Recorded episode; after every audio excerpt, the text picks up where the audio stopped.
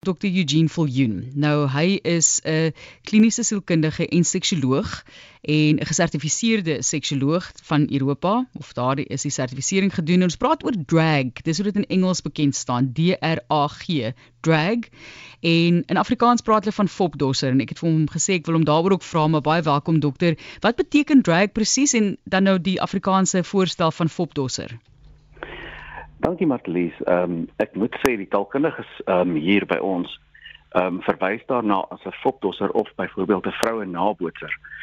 Alhoewel ek moet sê ek dink die die naam van vroue nabootser is dalk 'n bietjie beperkend want soos wat ons dalk 'n bietjie later sal sien, dit is nie net beperkend tot mans wat soos vroue aantrek nie. So ek dink die die term fopdosser is meer beskrywend dat dit eintlik enige van die ehm um, van die geslagte kan insluit eerder as net vroue nabootser.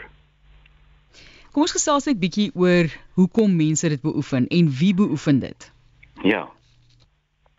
Interessant. Ehm um, dit was in die verlede eintlik nogal gesien dat dit hoofsaaklik gay mans was wat vroue klere aangetrek het. Ehm um, maar dit mag dalk in die verlede so gewees het terwyl die huidige tendens wys dat enige persoon sonder spesifieke seksuele voorkeure eintlik hierdie foptossing kan beoefen. Eerstens dink baie mense uh namens my dat dit is net mans wat soos vroue aantrek, maar die ander kant soos ek net nou gesê het is ook paar waar vroue ook soos mans kan aantrek. Een gedeelte van hierdie vraag verwys duidelik na, jy weet, mense soos en bekende mense in in ons um konteks, Suid-Afrikaanse konteks, soos Pieter Dirk Uys, jy weet, en die beminde tannie Evita wat hy geskep het. Um en ook Casper de Vries met met ou Grietjie Appelhoes wat wat hy geskep het. Ehm um, hulle het soms in die skep van hierdie alter egos dink dit baie moeilike politieke situasies aangeval of selfs uitgebeeld as belaglik en lagwekkend. Ehm um, as dit in persoon gedoen word, sou hulle heel waarskynlik aangekla geword het vir criminal injury.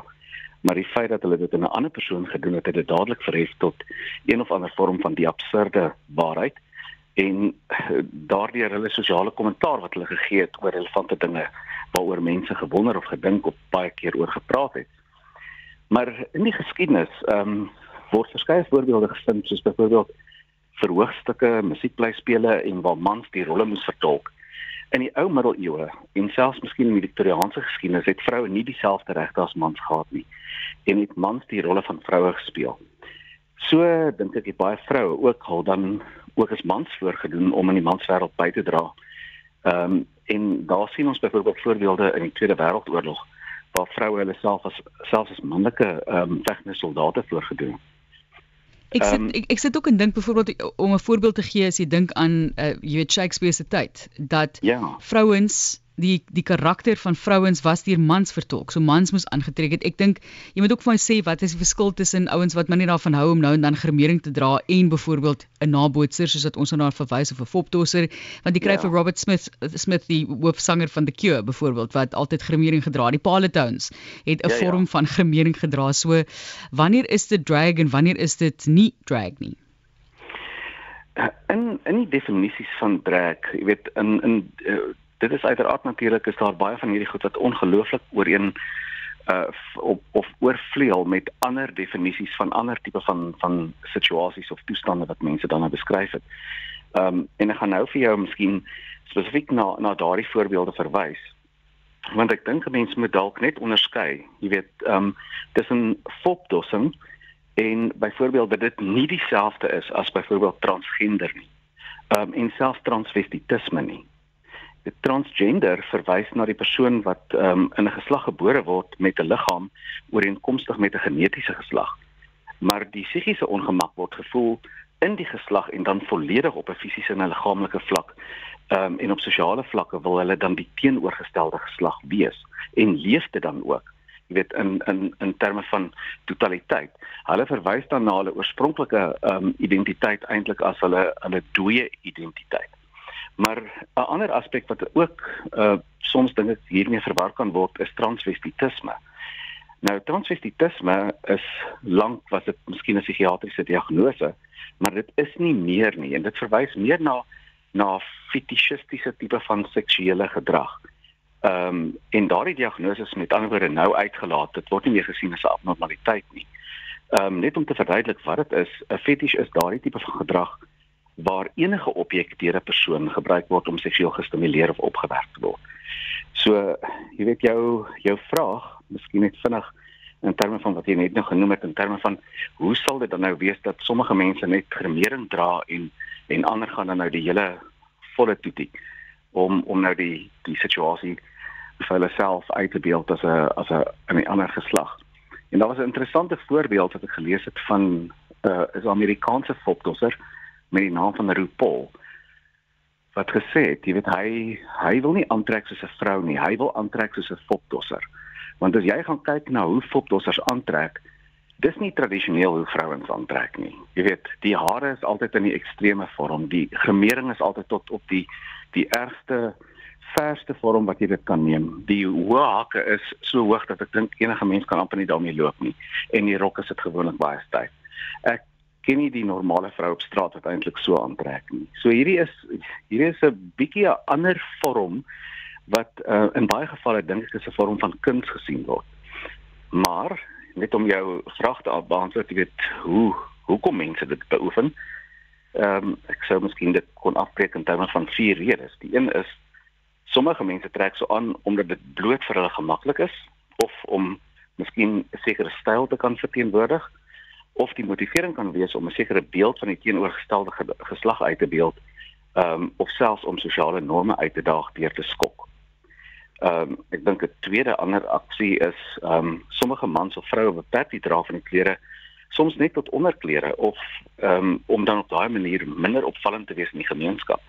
Sommige mans sal selfs rompe dra en nie hulle baarde afskeer nie. Ehm um, en hier verwys ons nie na die skotse tradisies nie. Jonger mense maak deesdae sosiale stellings om die grense en verskille tussen geslagte af te breek deur nalak en oorbelle te dra.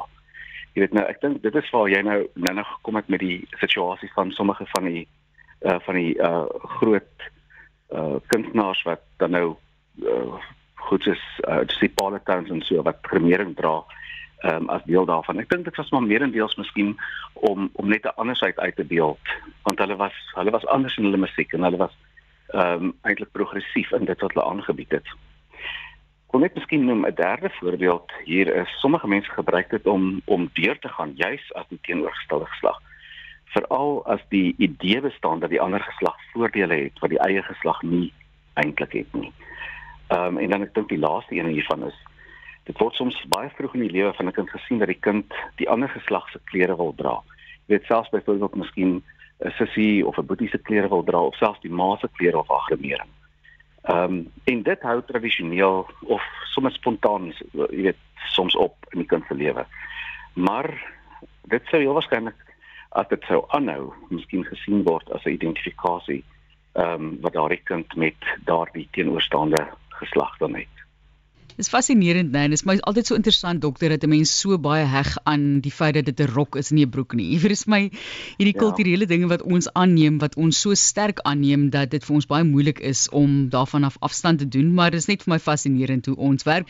Is dit nog taboe? Ek het nou verwys daarna dok, dokter of is dit nou meer en meer aanvaarbaar in ons samelewing soos die filmstiek uit wat wat uitgekom het waar ek verneem dat daar geweldige vryheid vir vir 'n persoon in daai rolle was. Fascinerende rolle wat vertolk is, baie baie goed gedoen ook. Is dit nog taboe? Ehm um, ek het nou ongelukkig nie self daardie stuk gesien nie, ehm um, maar ek moet sê die beoefening van hierdie alternatiewe voorkoms ehm um, is nie meer taboe nie. Is definitief nie teen die wet ook nie. Ehm um, maar daar is steeds ek dink baie sterk sosiale of omgewingsstigmas, jy weet wat wat nog steeds gevind kan word hieroor. Sommige mense sou definitief dink dit is vreemd en frons daaroor. Maar ek dink wanneer dit as vermaak aangebied word, um, is die toleransie vir oplossing baie duidelik uh, baie meer uh, gemaklik. Ehm um, dit het intedeel baie gewild geword dink ek. Weet daar daar was in die laaste tyd soos ek nou ook self gesê het, jy weet met Sticket ehm um, ander films soos die Rocky Horror Picture Show en Priscilla Queen of the Desert en Birdcage ensovoorts wat oor hierdie tipe van of wat van hierdie karakters bevat het. Ehm um, ek dink hierdie is baie meer 'n uh, 'n uh, 'n geval weet waar 'n subkultuur uitgebeeld word as aanvaarbaar en op 'n baie baie mooi versagtende manier um, om begrip te skep vir andersheid sonder om dit krities te maak. So ek dink dit maak dit ten minste jy weet minder taboe. En dan ook vir mense om begrip daarvoor te hê. Dit is dit dit moet moeilik wees. Jy weet ek ek het al baie films gekyk byvoorbeeld waar 'n man dalk op so 'n manier wil aantrek en sy vrou probeer dit verstaan. Die vriende en familie probeer dit verstaan. Daai tipe van ding. So kom ons help ander mense om begrip daarvoor te hê om te verstaan hoekom 'n persoon nodig het om dit te doen. En dit geniet. Dit regtig siels geniet. Ja. Ek dink jy weet ons moet definitief onthou dat ons leef nou in 'n tyd waar verdraagsaamheid uitgebou moet word weet daar is definitief wette geskep om minderheidsgroepe so te beskerm en jy weet bepaalde regte miskien aan hulle te gee.